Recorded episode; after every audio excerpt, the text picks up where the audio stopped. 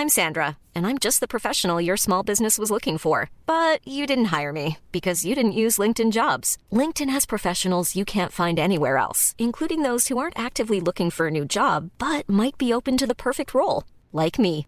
In a given month, over 70% of LinkedIn users don't visit other leading job sites. So if you're not looking on LinkedIn, you'll miss out on great candidates like Sandra. Start hiring professionals like a professional. Post your free job on linkedin.com/people today. Kära vänner, välkomna ska ni vara till skåpet där vi idag slår upp portarna och eh, kommer prata om, ja, det får ni se, häng kvar så kommer det bli både det ena och det andra. Eh, med oss idag har vi som vanligt Peppe Öhman i Santa Monica representerar USA-falangen av den här podden. Eh, men hon är snart på väg åt svenskt och finskt håll så det var ju kul. Vi har Johanna. Hon representerar Vasastan, eh, innerstan, Stockholm. Där har vi Johanna. Hon är på väg bort. Hon ska åka till Frankrike i sommar. Eh, och jag heter Cecilia Blankens. Jag är eh, överallt men mest i Sverige. Och eh, Danderyd, det är där jag bor. Det har jag lite svårt att förlika mig med. Men det, så är det! Ja, välkomna!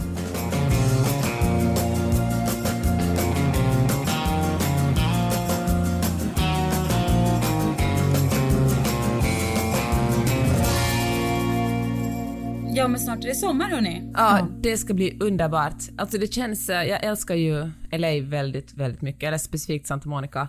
Men den här tiden i Sverige, eller i Norden, den här, de sista veckorna i maj, första veckorna i juni, de är ju otroliga. Det är liksom de finaste veckorna i livet som återkommer varje år. Ja, det är härligt. Men jag undrar också, kan det vara något speciellt i år? För jag tycker att allting luktar så mycket mer. Alltså blommorna. Eller är det jag Aha. som har, håller på att få någon sorts... Är det inte att du eh, hade covid vid det här tiden förra året? Nej, Ja, jag vet vilken av inte. gångerna? Jag har i och för sig haft... Nej, jag hade inte covid vid den här tiden förra året. Det hade jag inte. Nej, Jag hade det Okej. en gång i typ det inte det då. april förra året och sen hade jag det en gång i vintras. Ja, ja, skitsamma. Nej, men jag tycker att mer. alla blommor Ja. luktar extra mycket. Det kanske är någon slags eh, mindfulness som kommer med åren, där du bara Ja, stannar upp Ja, Johanna tänk, tänk och om det är känner. så. Det, så skulle det kunna vara. Jag har till exempel lärt mig namnet på en växt som jag inte har vetat vad den heter, att man alltid känt till. Spirea. Känner ni till spirea? Ah, Det är såna här buskar, vita buskar med blommor. Minns att vi hade Ja. en sån De utanför mitt hus när jag var väl liten. ändå lite, lite sperma eller? Är det inte den busken? Finns det en bättre alltså, doft, Susanne? Finns det en bättre doft? vi ska göra parfym av den. Ja, Ja, jag vet inte riktigt om jag håller med. Men, jag men tycker, tycker andra saker som luktar sperma eh, är ju skånsdeg. Mm, och pannkakssmet. Vitbuske. Pannkakssmet. Det är väldigt mycket som luktar sperma utan att vara sperma. Jag ska skriva en bok om det. Apropå dofter förresten, så läste jag en intervju med Jake Gyllenhaal som tydligen är talesman för någon sorts ny Prada-parfym. Så han pratade om dofter och då pratade han om att han tycker pasta pomodoro luktar hemma. Alltså pasta med tomatsås. En så basic Han bor hemma hos oss. ja, exakt. Det, det är där han brukar hålla till. Men då tänkte jag på vad det är för dofter man har som, alltså vad jag tycker luktar hemma. Och då undrar jag, vad har ni för dofter? Vad tycker ni luktar hemma? Sperma. Är det därför spirea heter spirea tror ni? Spermaspirea? Ja, vad betyder spirea då? menar jag vet inte, men Sperma. busken heter ju det. Den vitblommiga busken. Det Ja, låter ja, som sperma. Spirea. Ja. Spirma. Skulle kunna vara någon från eh, Sperma, alltså eh, typ Norrköping som säger det. Spirea. ja. Ja.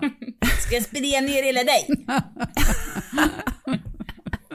Vara på brösten.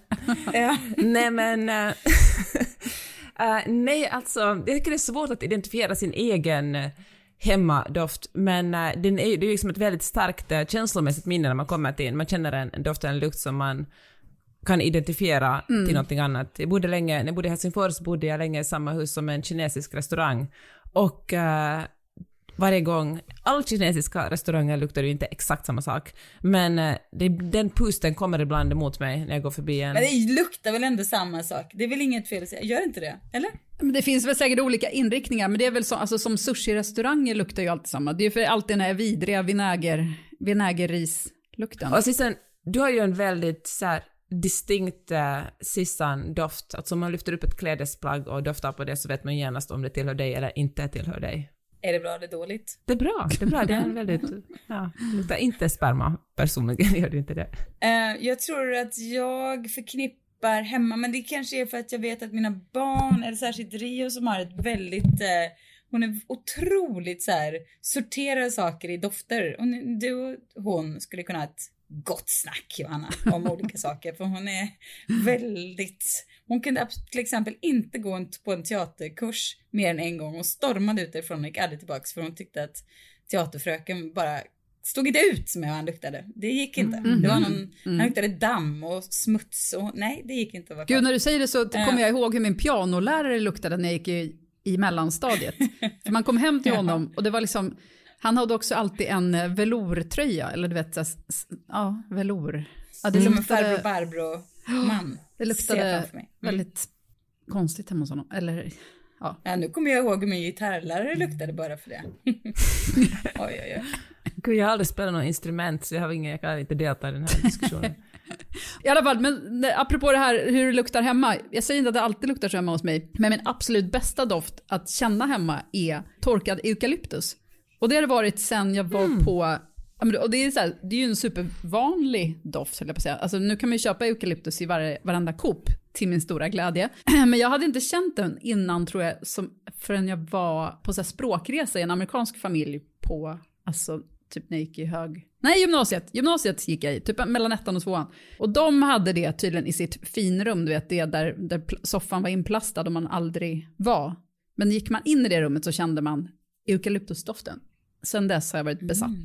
Men måste man inte ha mycket eukalyptus hemma för Nej. att det ska liksom... Nej, för Nej. man går förbi den. Det är ju alltså man ska ju inte, ska inte spruta ur eukalyptusdoft. Det ska ju inte vara som du och din sperma. Det ska ju vara bara liksom att man känner det ibland. Jag tänkte när jag häromdagen insåg hur mycket det blommar ute just nu alltså. Det är ju som att hela naturen har liksom fått stånd typ. Och mm. Eh, då en väldigt speciell inriktning på podden så här långt den här veckan. Vi kör bara penis. Är det som ägglossning försommar som pågår. Hela podden har ägglossning. Mm. Ja. Då tog jag med mig en stor sax och gick runt i kvarteret och bara klippte ner allt jag såg och satte i fullt av vaser hemma. Och det blev ju så himla trevligt. Alltså mm. det doftar ju så gott när det, sirendoften kommer in. Mm. Så det ska jag göra hela sommaren. Jag ska bara klippa ner allt möjligt och sätta i olika saker inne. Oj vad trevligt det luktar. Doftar. Men eh, hörni, visste ni om att om man tar en bild av en eh, växt man inte känner igen med sin iPhone ska man bara swipa upp och sen berättar telefonen vad det är för en växt. Va? Nej, mm. det visste inte jag. Visst är det, det är ju otroligt. Vadå, bara en bild med kameran? Nej men ta en bild, swipa upp och sen kommer det en liten ruta med information när du har tagit bilden och allt möjligt annat. Och vad det är du tittar på. Nu, nu måste jag, jag testa är direkt. amazed. Ja, men, om jag Peppe, swipar upp så försvinner jag, den. Jag vet vad jag känner mig beredd att bara avblåsa hela sommaren och bara ägna mig åt det här. Det är så ofta jag eh, vill veta det. Kan det vara något som funkar i USA? För att jag testade precis med en krukväxt och det funkar inte. Mm, besvikelsen nu. Ja, då får ni bara alla komma hit och undersöka växter, men ja. testa den. Ja, ge det ett andra försök när du går ut i naturen, Johanna. Verkligen, jag kommer testa hela sommaren. En av de största komplimangerna jag har fått var ju när jag var förra helgen ute på Kinnekulle. Skulle sova i vindskydd, ett, igen, som jag tycker är så mysigt.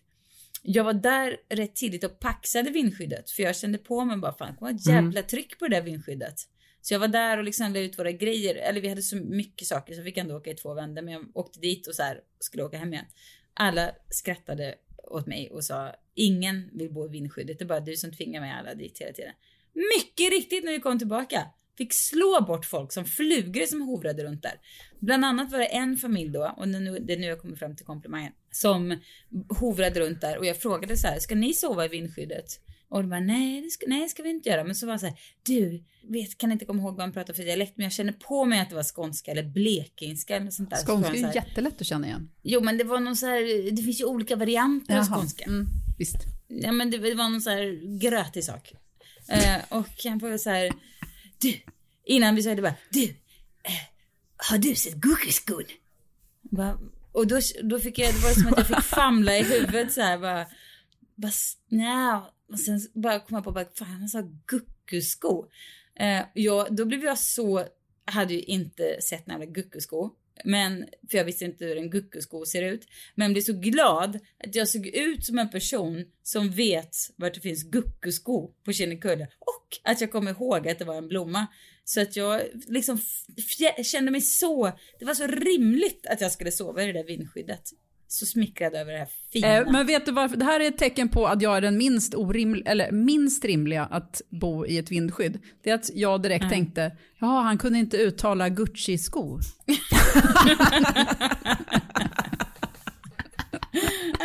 att du hade på dig någon sorts flådig utomhuskänga. Och han bara, är det där en Gucci-sko? oh, det hade jag för sig också, ja, nej. Ja, det hade ju, det hade ju också varit en rimlig, det hade varit rimligt känner jag, nu när du säger det. är det där en Gucci-sko? Sa du Gucci-sko? Ja, nej du, de har jag hemma i garderoben. Häromdagen satt jag i uh, bilen med min man Magnus och uh, så började jag känna att jag måste få ut irritation för jag har varit så fruktansvärt irriterad på män de senaste veckorna. Och då är jag ändå ganska irriterad på män alltid, men nu har jag varit verkligen otroligt. Och mest av allt är det män som ska förklara saker för mig.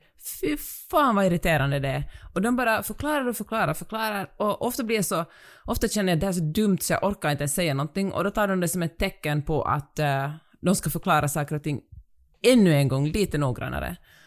Och, uh, och då, och sen kollade jag kolla på ett klipp med en intervju med, med Amy Schumer och hon sa att uh, hennes man lider, eller hon inte lider, tvärtom gynnas av att befinna sig någonstans på, på så här spektra, autismspektrumet. Och han, uh, om någon berättar en jättelång och tråkig historia så bara stiger han upp och går och är bara såhär sorry, jag har autism, jag liksom, jag går nu. Men då sa min man att, att uh, när man känner den här extra irritationen, det är liksom som att vara hangry fast med för mycket jobb. Finns det något ord för det? När man jobbar för mycket och det tar sig uttryck på att man vill döda alla män. Vadå, att man jobbar för mycket och därför vill döda alla män? Jag tror inte att det är en jättevanlig. Jag tror att, att vi får kalla den för Peppe, den reaktionen. Jag tror att hangry är liksom mer universell. det här är så specifikt. Ja, Okej, okay, du fick liksom ingen igenkänning i den här. Ah, ja. Jo, nej men jag kan ju, man kan ju absolut känna att man eh, liksom någon slags stress över och att man känner att man är li lite ensam i allt man måste göra. Ja, ja, det kan nog leda ut i, ja, rinna ut i manshat, men det är ju mycket som gör det i och för sig, så det är väl som... Ja, exakt. Jag tänker att manshatet är ju konstant på någon nivå hela tiden. Mm. Det spelar ingen roll hur mycket jag jobbar eller inte jobbar. Jag, jag var på fest i lördag, så då träffade jag mina nya vänner eh, som jag har planerar att bli jättebra vän med som jag lärde känna på en 40-årsfest för ett tag sedan. Då var det en av dem som sa att hon hade som bara, om hon skulle träffa nya, träffa nya kompisar så var om de inte hon kunde bara tänka sig att bli kompis med manshatare. Alltså grunden att man liksom tycker att män är idioter och sen kan man få ju ge, finns det undantag? Det vet vi väl alla. Men det tyckte jag ändå kändes ganska rimligt liksom. Alltså man ska känna sig så här grundbesviken på dem. Upp till bevis, sen kan vi snacka. Jag tycker det, jag skulle också ha svårt ja. att bara vara någon som så här inte såg det skeva i samhället i det. Usch vad hemskt det låter, men någonstans skulle jag... Nej, jag kan verkligen att... se det här. Alltså det är så fruktansvärt skevt. Det är så fruktansvärt skevt och ingen liksom, förutom den här podden då kanske, men tar upp det, hur det är enorma förtryck, som män förtrycker kvinnor, är våldsamma på kvinnor, stiftar lagar som som diskriminerar kvinnor. Det är helt, det är så Jag tycker i och för sig att det tas upp hela tiden, så jag tycker inte att det är bara vi som tar upp det. Men däremot Nej, så händer inte så mycket åt det, men jag tycker att diskussionen pågår ju ständigt. Det ja, jag den, skojar det bara. Det, men... Ja, okay. ja, men det är det man blir så trött på, att hela tiden diskuteras och aldrig blir det bättre. Nej. Jag vet inte, aldrig kanske inte heller stämmer men det går Nej. väl kanske inte så långsamt eller så snabbt som man hade önskat. Gud vad det är fel i mitt Det blir ju också någon slags backlash hela tiden. Jag tänker att jag också är extra stingslig eftersom man i USA då håller på att ta bort uh, aborträtten i hälften av alla, eller hälften av alla delstater kommer med största sannolikhet att förbjuda abort helt. Och också den här enorma metoo-backlashen med Johnny Depp och Amber Heard, där folk hatar en kvinna så otroligt mycket. Jag menar, hur jag förstår att det finns kändisar som man ogillar, men det här brinnande hatet som så otroligt många människor kände inför den här kvinnan som sa att, att eh, en man har, har misshandlat henne och liksom... Det var helt... Alltså det finns till och med mural, alltså en väggmålning som är, liksom bara utgår i hat från henne där hon har liksom målat med en sån här Pinocchio-näsa. Alltså det, folk har Ja, verkligen tillbringat timmar och åter timmar med att hata henne. Det, och jag tycker att det är ett, ett ganska tydligt tecken på hur det här liksom, samhället hatar kvinnor. Eller hur vi liksom, det är okej att hata kvinnor. Ja, men så här, jag skulle önska att det, var, att det gick att säga så här att, att det var... Att det, kommer ni ihåg när, när Ghostbusters kom, fast med tjejer istället för killar? Ja. Och hur den hatades av killar på nätet. Ja, just det. Och det var ju något helt bisarrt. Jag skulle Ja. önska att man kunde säga att det var samma med det här Amber Heard-grejen. Att det är samma killar som inte har lämnat sina datorer utan bara hittat någonting nytt att, att hata. Mm. Men det värsta med det här är ju att, att det är så spritt och att det är på så många, att det är liksom så här Camilla Läckberg-figurer som ger sig ut och berättar Mm. hur det ligger till i deras förhållanden. Jag förstår inte att vuxna människor ens tror Nej. att de vet något om hur Nej. två andra personers förhållande har varit. Det är så sinnessjukt. Men vet ni vad, då känner jag att det är så här Dunning-Kruger-effekten. Alltså de som pratar mest och tror att de har mest koll är verkligen de som är dummast i rummet. Mm. Så känner jag när folk har jättespecifika åsikter om saker som den här. Verkligen. Alltså, Men plus vad Det är, det att bry sig om? Men Jag, jag tror att det är en, så här, att det är en covid och krigreaktion. Att folk, ja men det här, det här kan vi äntligen förhålla oss till utan att man, liksom, Ja. att man skadas eller att man behöver Ja. vara rädd eller någonting. Utan alla kan bara enas i, i en jättestark känsla som inte betyder någon risk för en själv. Liksom. Ska man kanske förtydliga att det vi, eller ni, pratar om nu inte handlar om domen per se? Alltså för det spelar Nej, ingen nej, roll utan själva om hon hade varit rättegången. skyldig eller oskyldig utan mer, alltså det är inte det att någon här menar att hon, att det är rätt, liksom, det kanske det var säkert rätt som det vad, vad vet man liksom? Jag kan, Nej, jag har ingen aning, men jag menar bara att systemet. folk överhuvudtaget engagerar sig i deras skilsmässa Ja. och i deras rättegång. Nej men jag säger inte att de har rätt heller, jag säger bara att det inte, det inte, det kan ju inte vi sitta och heller avgöra liksom efter den här juridiska, även om det känns ju sjukt att det blev som det blev, men vad vet man om det liksom?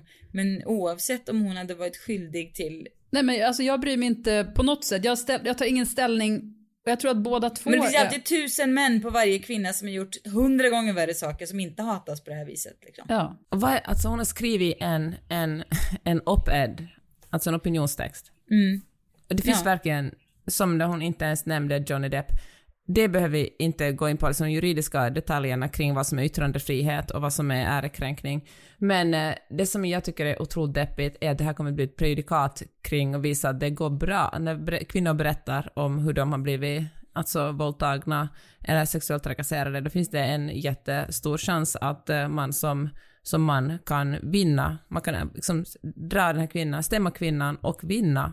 Det och jag tror att det här kommer att tysta, alltså det är ju ingen fest, alltså det finns ju inga, det är inget kul att berätta om sådana saker annars heller och jag tror att många kvinnor liksom håller tyst så öppnar, gläntar metoo på dörren och visar att, att det här är något som sker överallt hela tiden, vi måste tala högt om det. Och den dörren håller nu på att dras igen för att eh, det liksom inte, det är inte värt att berätta det. Och, liksom, och då menar jag inte bara liksom att, att, eh, att det är så vidrigt, alltså att man kan bli stämd, utan bara vilken, att folk bara hatar en så mycket.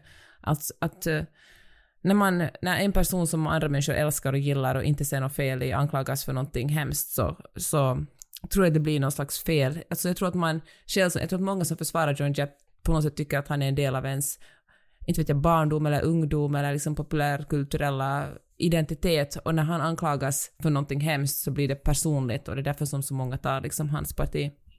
Men det har ju också på något sätt konstigt spridit sig. Alltså för att min 11-åriga dotter kom liksom bara sa någon dag så bara åh vi hejar väl på Johnny Depp. Man bara hon har ju inte en blekaste jävla aning om någonting. Men var ändå men, så ja, här, men jag vet, mina barn också, att det är så här saker man att- diskuterar i skolan. Så Ja. sjukt. Men det har ju funnits på, alltså TikTok har ju funnits, det är ju som svämmar över av, av bara pro Don, Johnny Depp-material. Alltså både köpt och uh, organiskt och en massa, alltså det är en massa influencers som har gjort enorma mängder pengar på att summera, inte säkert med något ont uppsåt, men helt enkelt summera vad som har hänt i, liksom, i rätten den dagen. Och eh, jag läste ja, en under, alltså 93% av allt material som har funnits på sociala medier har varit pro-depp och resten har varit antingen liksom någorlunda neutralt eller pro-Amber Heard. Jag följer ett eh, konto på Insta som heter Dömo. De finns säkert på Mm. ja, alla möjliga. De har en och en halv miljoner följare på Insta. Det är så här, rent skvallerkonto. Och de lägger ju egentligen ut nästan vad som helst också som, alltså som följare skickar in. Att nu såg jag den här och den här på det här stället. Eh, och, du vet, och, de, och folk får ställa frågor om hur det ligger till med, var är Harry Styles just nu? Och så, du vet, och den här Dömoa svarar. Alltså det är ett amerikanskt konto, jag vet inte varför den heter på franska. Men, och det är också något så här, för att då, i början så tyckte jag att ja, men det här är lite, vad kul med, med så skvaller och, och sånt där. Och sen är det som att bara, men vad är det här som, som bara läggs ut nytt hela tiden? Och det kan vara precis, alltså det kan vara vilket, jag skulle kunna skriva in och bara hävda någonting och de skulle lägga ut det och folk skulle se det som sant. Och, och just den här, alltså det är ju inte något nytt med fascinationen för skvaller, men just jag tror ju att just de här tiderna så är det någon sorts extra bara skitvåg av... Men jag tror också att, att om man läser någonting på sociala medier där man säger att ja, ja, men jag fattar ju att det här är sociala medier, men så går det tre dagar och sen glömmer man bort exakt var man fick den här informationen och sen kanske hjärnan tror att den är sann. Ja men det är som du vet, jag läste något, någon så här, precis när jag började kolla på det här, så stod det något om Lykke Li och någon som hon var ihop med. Jag bara, jaha, det visste inte jag. Och så sa jag det vet, till någon, bara, ja men jag hörde att hon var ihop med den. Och sen så, då senare såg jag någon som bara, nej nej, men alltså han är ihop med den här. Och man bara, men gud varför, varför säger jag ens någonting? Alltså jag känner inte henne, varför skulle jag, ja men du vet, man skäms. Fruktansvärt. Varför håller man på med sånt här? Okej, men Johanna, jag tror att eh, alltså varför vi skvallrar, det finns väl någon sån eh, förklaring till att det, att det är ett sätt att kommunicera och bygga relationer med varandra, så att allt skvaller är väl inte hemskt, alltså det är väl ett sätt att Nej, umgås såklart. också. Men det, just det här, liksom den här sortens eh, som är så långt bort från en själv också. Alltså, jag menar inte att det är bättre att, att skvallra om sin granne egentligen. Men, men det är något så, det var en massa luftslott. Det är som hela Kardashians, att bry sig om allt sånt där. Jag tycker alltid man får liksom en lite så här. Det finns ju människor i ens omgivning som jag i och för sig kanske inte umgås med längre av samma anledning eller så. Men som um, skvallrar väldigt mycket. Och det är ju liksom, då känns det nästan som att man blir lite så här. Alltså det blir en så här äckelkänsla för man kan ju tycka i stunden att det är lite så här härligt och man vill veta mer och sådär. Och sen i efterhand så är det alltid så här. Alltså det känns så smutsigt och äckligt och så här som att man liksom vill så här skala av sig det där. För det är verkligen en hemsk grej med folk som skvallrar, vilket väldigt Ja, men det är också det att man gör. vet att de- sk- kommer skvallra om en själv när man inte är där. Exakt. Det Att det är ju det som är det allra mest obehagliga, för att, att höra om andra är ju kul, men, Ja. men rapporterna som sen lämnas om ens egen personlighet, Fy det är inte kul. Ja. Ja. Man kanske ska lägga till det i jakten på nya kompisar. Manshatare och sådana som inte skvallrar. Men däremot så kan man ju få släppa några som är juicy grejer. Men det får ju inte vara om folk, man måste ju samtidigt alltid skydda sina liksom, alltså sina nära så. Man kan liksom inte, man får inte skvallra om folk man bryr sig om men samtidigt så kan man få skvallra lite om folk lite i utkanten. Eller om man har någon gemensam så här störperson. Det kan man också få skvallra om tycker jag. Ja, men det som jag tycker är direkt oväns... Det här är ovänskapligt. Det är när eh, folk kommer med skvaller som har med någon som man känner att göra, någon som man känner Ja. ganska bra. Om man på något sätt plötsligt, för att vet man någonting sitter man ju också på ansvar i att berätta det då. Mm. Alltså då, den situationen vill jag helst inte hamna i, så då, så att eh, berätta ingenting för mig som har med sånt att göra. Ett skvaller som jag aldrig tror på är när någon beskriver sitt ex som galen. Nej, Särskilt, ja, när, det- särskilt när killar Ja. beskriver sitt ex som Nej. galen. Ja, nej verkligen. Det, är en bra tumregel. Förmodligen för att du förtjänade det. Men nu känner jag i och för sig att jag själv kanske har några galna ex. Vad säger det om mig? Det, ingenting om du inte skvallrar om dem. Det är ju det. Nej, nej, okej. Om du inte går runt och säger att den var helt galen. Ja. Nej. Nej. Nej, I vi vissa fall är det såklart sant. Jag vet inte om ni har tänkt på det här, men jag har märkt att, jag vet, att man har ganska dåligt minne.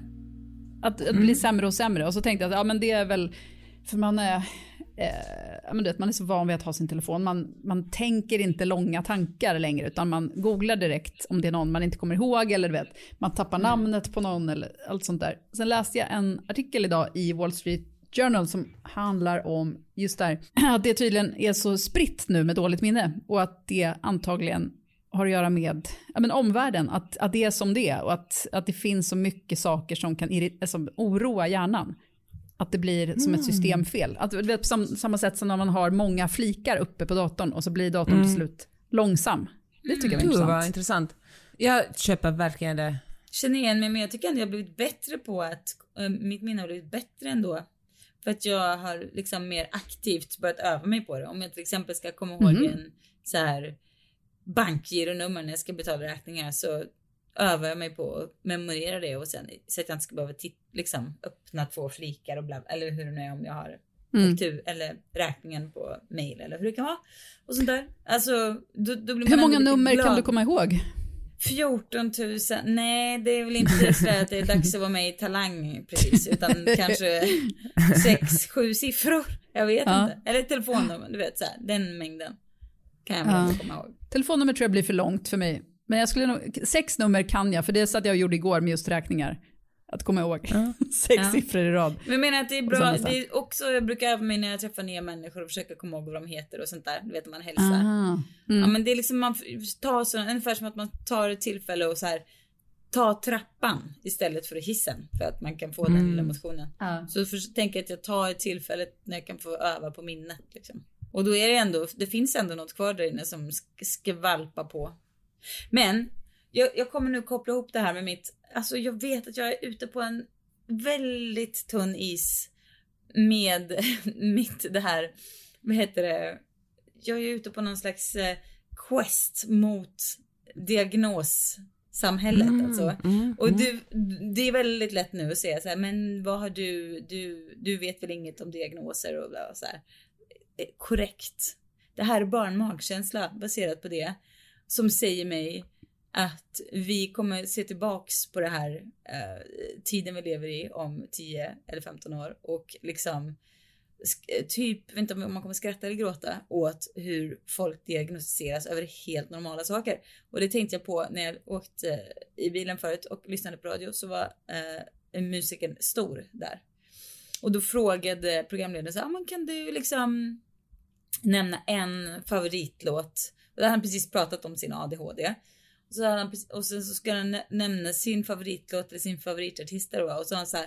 Ja ah, men vet du det här är så typiskt. Det är så typ, det här är min ADHD som gör det så svårt. Alltså att det här att jag bara ska säga en, det är liksom, det klarar inte min ADHD. Jag klarar bara. Mm. Men det är, mm då, då fick jag vatten på min kvarn. Och det handlar inte om, för det gör väl ingen, ingen om folk har diagnos eller inte. Men just det här med minne kan ju också vara en sån sak. Att man bara, nej men jag vet jag är så svårt att komma ihåg saker. Och så förvirrad bara, ja men det har, det är skärmen. Eller det är inte, det är inte en diagnos. Men det kanske det är, vad fan vet jag. Men jag bara, ty, eller jag tycker bara att det är liksom, det är någon form av jag vet inte, galenskap som pågår, känner jag. Mm. Men jag undrar också, alltså hur många procent av vuxna personer har en favoritlåt.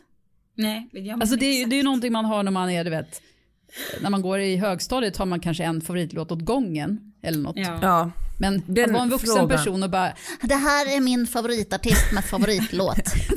det här är världens bästa låt. Jag menar visst, sen kan man känna så. Ja, precis. Ja. Sen kan man känna så vid olika tillfällen att nu, vet, nu hör jag en låt med Stevie Wonder och den här låten är, är min favoritlåt. Men sen nästa vecka så kommer jag höra något med någon annan och då kommer den vara min, du vet.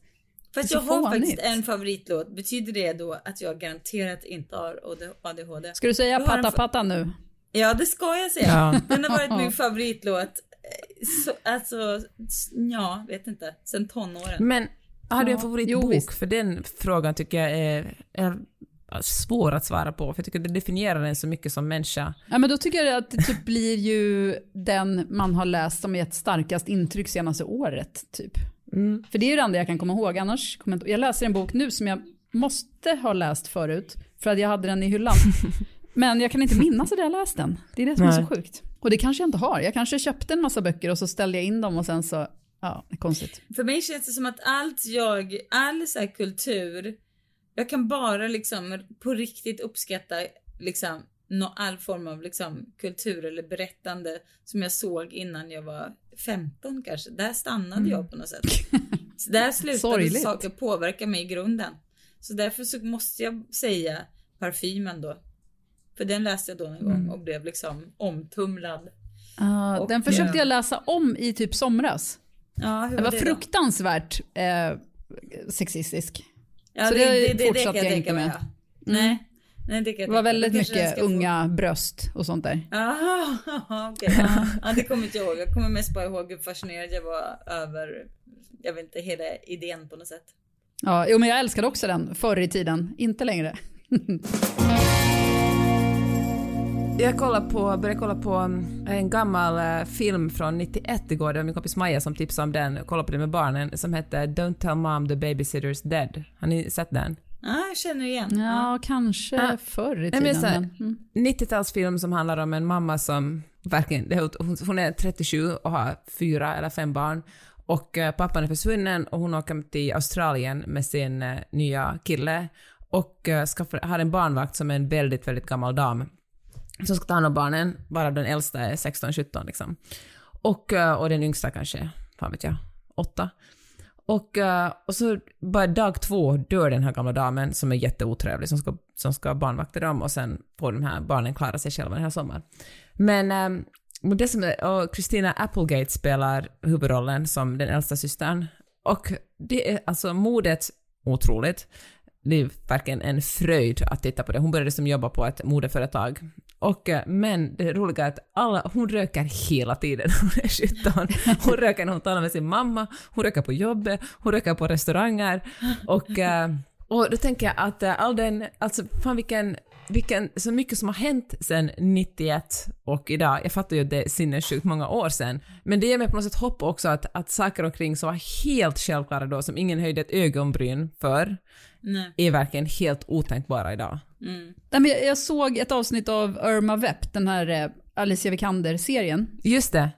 Och där röker de. Alltså, och nu reagerar man ju varje gång någon röker på film eller i, i serier. Mm. Så det gjorde mig väl, alltså vet, de, där rökte de också jättemycket. Det är ändå ovanligt nu för tiden. Oh, Verkligen. rörigt. måste ju vara rätt. ciggen är på väg tillbaka. Det skulle vara Ja. konstigt för den är ändå väldigt kort. Den har varit borta får man säga. Ja. ja. Jag Att gå hoppas den inte är på väg liksom. tillbaka. Jag hoppas att det här bara att, att det här utspelar sig i Frankrike så att det är kanske för att fransmännen är så galna. När vi började göra den här podden då bestämde vi oss för att eh, det här är en podd där man får tycka olika, eller man ska tycka olika, och vi ska inte hålla på med brasklappar. Man ska inte vara så att män, kom ihåg att eh, inte alla män, för att Nej. alla fattar det. Det är liksom, vi har smartare lyssnare än så här. Och eh, jag försöker verkligen att det här ska rinna av i resten av av mina sociala medier och annat jag håller på med. Inte liksom hålla på med de ständiga brasklapparna. Men det är, fan det är svårt för det dyker alltid upp någon som som, som tycker att uh, man är aningslös. Jag skrev häromdagen att uh, jag uh, att jag verkligen jobbar på att inte prioritera bort sånt som jag tycker om. Att då får jobbet hellre lida om jag har bokat in att jag ska surfa eller rida. Och eh, det var någon som kommenterade så att det är bara en extremt privilegierad person som kan eh, säga så här. Och då fick jag lust att förklara jättelångt att det är klart att jag inte alltid kan lägga mina fritidsintressen framför mitt jobb eller min familj. Men jag utgick från att alla fattade. Men... eh, Och... Men Där- fråga en sak, kan man vara liksom privilegierad? Alltså det är klart man kan. Alltså jag menar så här, till att börja med, varenda svensk, finsk och de flesta amerikaner är ju otroligt privilegierade. Alltså bara genom att liksom ha ett tak över huvudet på något sätt. Om man inte ser till världen i stort. Men när, om man så här, tänker ofta på att man, alltså finns det någon skillnad i att vara privilegierad om man är liksom född enormt liksom rikt? Eller om man har liksom skapat sig ett liv som tillåter en viss livsstil som kanske är privilegierad, ser extra privilegierad ut. Är det någon skillnad på det menar jag? Om man, är, alltså, om man bara föddes rakt in i det eller om det är någonting man har deserves för att man har, för, deserve för att man har liksom jobbat sig dit på något sätt. Jag vet inte, är inte det skitsamma? För den som inte är den privi- privilegierade så är väl det skitsamma hur, man, hur den privilegierade har nått dit. Jo, fast eller? det finns ju ändå, man har ju en helt, man har ju ändå lite olika det är ändå, ja kanske det, men det, fast det är ju väldigt olika, kan vara väldigt olika i förståelse på något sätt för. Men jag tänker så här, alltså jag förstår vad du menar Susanne, men jag tror att det är så här att de som säger att jag börjar från ingenting, alltså, och, eller bygger en image att man verkligen gjort en klassresa, typ Kid Rock som jag av någon orsak läste idag mot Twitter, alltså en, den här höger, alltså en, en, en amerikansk artist. Och eh, han har liksom verkligen byggt en image på att han kommer från södern, arbetarklass-södern, när han egentligen växte upp i ett mer eller mindre slott med jättemycket pengar. Alltså det är tack vare att han har så mycket pengar som han kunde bli så framgångsrik. Och eh, de flesta, och jag tänker att det är kanske ett extremt exempel, men de flesta som det går ganska bra för kommer ändå från ganska bra förhållanden, har haft möjligheter att, att eh, bli framgångsrika. Det är ganska svårt att, de, de är, att speciellt i USA finns ju den amerikanska drömmen att vem som helst ska bli vad som helst. Men i praktiken är det ju praktiskt taget omöjligt. Alltså kommer du från arbetarklassen måste du vara extremt duktig och ha extremt mycket tur för att bli jätterik. Och eh, så jag tänker att de som är privilegierade älskar den här historien och de har då med liksom tänder och klor kravlat sig upp, men egentligen så, så har de fått en del skjuts på vägen. Ja men också det är typ det värsta skällsordet man kan ge någon så här privilegierad. Det är som att det är så här. Och det, det, säger, det det säger är ju så här att du är bortskämd och vet inte vad du har på något sätt. Det är ju det det betyder.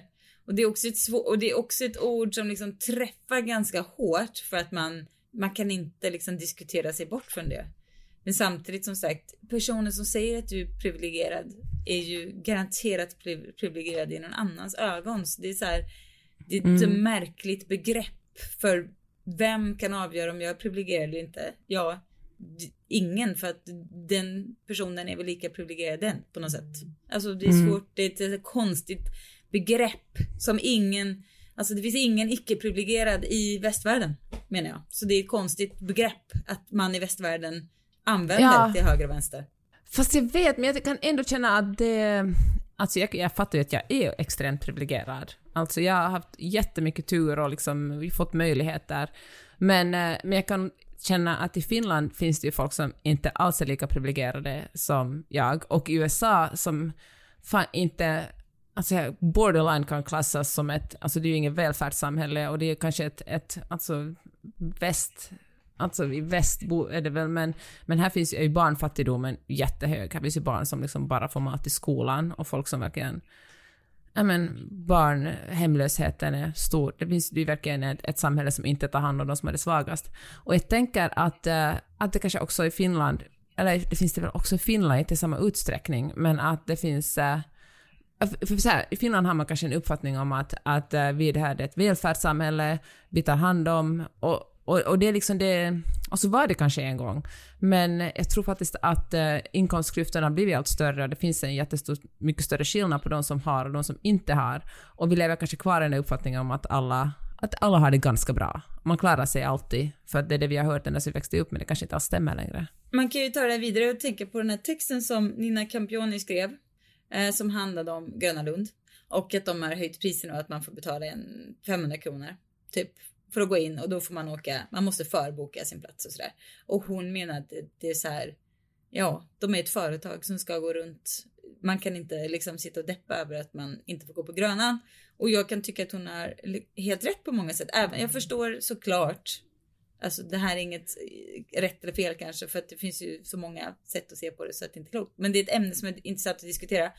Och jag kan ju också lite tycka så här. Om man känner sig hela tiden, jag menar absolut det finns enskilda fall, men för de flesta personer som känner, som identifierar sig som, ja, mindre privilegierade än andra, så tänker jag att då är man ju lite låst där om det är den bilden man har av sig själv. Och om man då känner sig kränkt över att man inte har råd att gå på Grönan, då, då kanske grundproblemet är där på något sätt. Eller grundproblemet Men jag måste bara fråga, finns det alltså en diskussion kring priserna på Gröna Lund? För det har jag helt missat. Alltså för det är klart att det är dyrt, men det är på samma sätt som det är dyrt att gå på Skansen eller dyrt att gå på bio eller Alltså alla sådana där grejer som drivs av företag är ju dyra. Det som inte är dyrt är att gå på Nationalmuseum, vilket är det bästa man kan göra.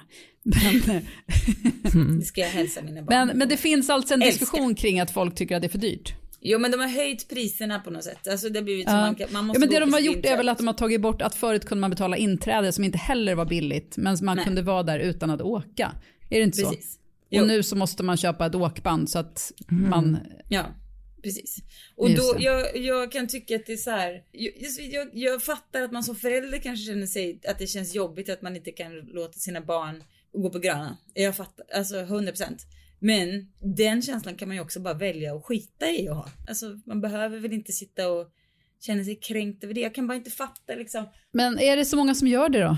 Jag vet Ja, inte. det, jag tror det. Jag tror absolut att det är det. För jag menar, det är ju i så många delar av samhället som man, eh, ja. Kanske inte just grönan, men jag menar den, den diskussionen i sig är ju liksom att det är så här, ja. Men kan det handla om just det då, att Sverige på något sätt har, alltså imagen av att vara ett land där alla har ungefär lika, det är liksom ett välfärdsland och där alla har samma möjligheter och rättigheter, vare sig det handlar om liksom bra utbildning eller att gå på Grönan. Medan jämfört med USA, här är liksom, här fattar man, okej, jag kommer aldrig ha råd att gå på Disneyland som för övrigt är sinnessjukt dyrt. Och eh, man kanske känner, men så här då, man kanske känner det, i USA känner man så här, det är mitt eget fel för att jag inte har kämpat tillräckligt mycket för jag tror på den amerikanska drömmen och som, som, som är falsk i men det kanske jag inte fattar. Men eh, så att jag får skylla mig själv. Men i Sverige så finns det en sån här, här vi kommer överens om att det här är välfärd, alla har rätt till allt och, eh, och det stämmer, det var kanske någon så, men det stämmer inte längre och det är därför den där känslan kommer fram att, att eh, ja, därför man blir ledsen och kanske också Så ledsen tror jag för att absolut att det är. Så tror jag att det, det är liksom den svenska självbilden, det är den som blir så här knäckt när det är så att så här ska det inte vara i Sverige. bara Så här. Men jag vet inte, alltså nej det kanske inte ska men nu är det så. Alltså Mm. jag förstår inte hur man ska kunna hitta något mellanläge som är rättvist för alla. Jag vet inte ens om det går. Jag fattar, men jag, det jag menar är bara varför ska man sitta och deppa över att man alla, det finns alltid någon som har mer. Det är väl inget att deppa över. Ska vi köra lite tips? Ja, Johanna. Jag eh, kan, nu blir jag osäker på om jag har tipsat om den här förut. Men jag tror inte det. Det är en brittisk kriminalserie som jag håller på att kolla på som finns på SVT Play och den heter Save Me. Har jag pratat om det här? Nej.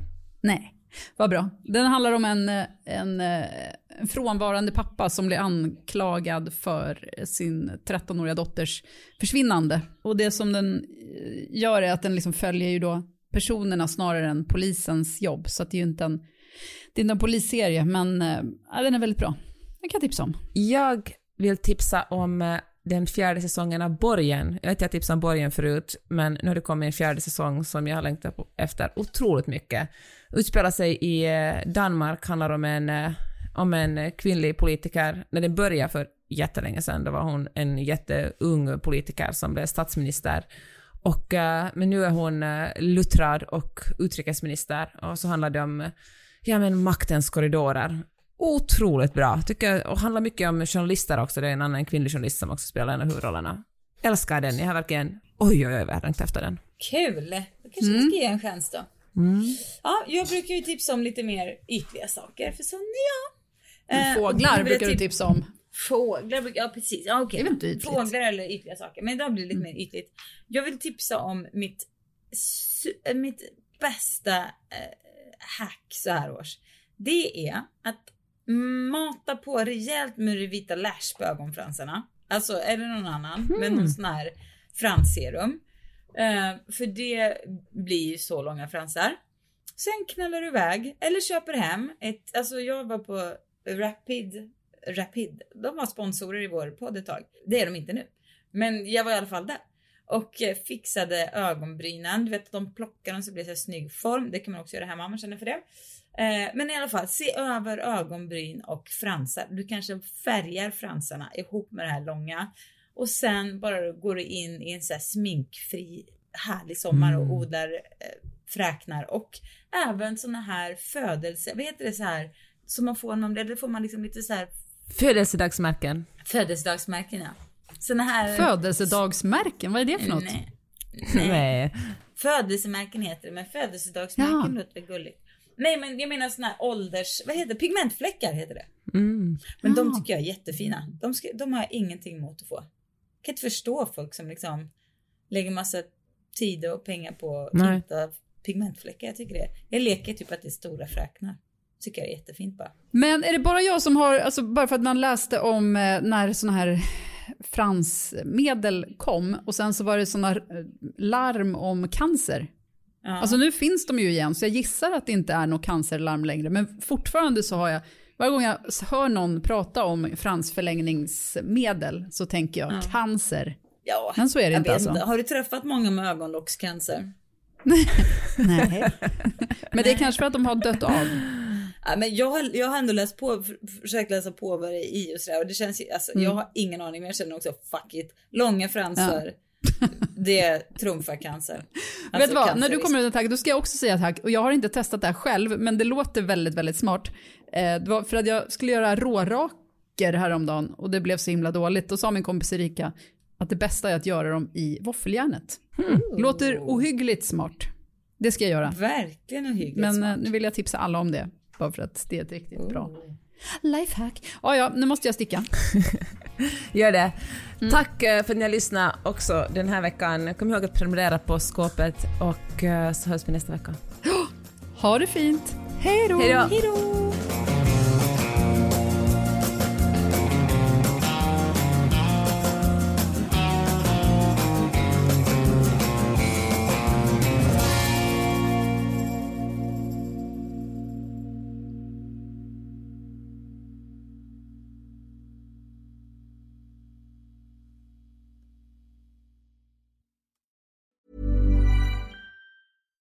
Even when we're on a budget, we still deserve nice things. Quince is a place to scoop up stunning high-end goods for 50 to 80% less than similar brands. They have buttery soft cashmere sweaters starting at $50, luxurious Italian leather bags, and so much more. Plus, Quince only works with factories that use safe, ethical, and responsible manufacturing. Get the high-end goods you'll love without the high price tag with Quince.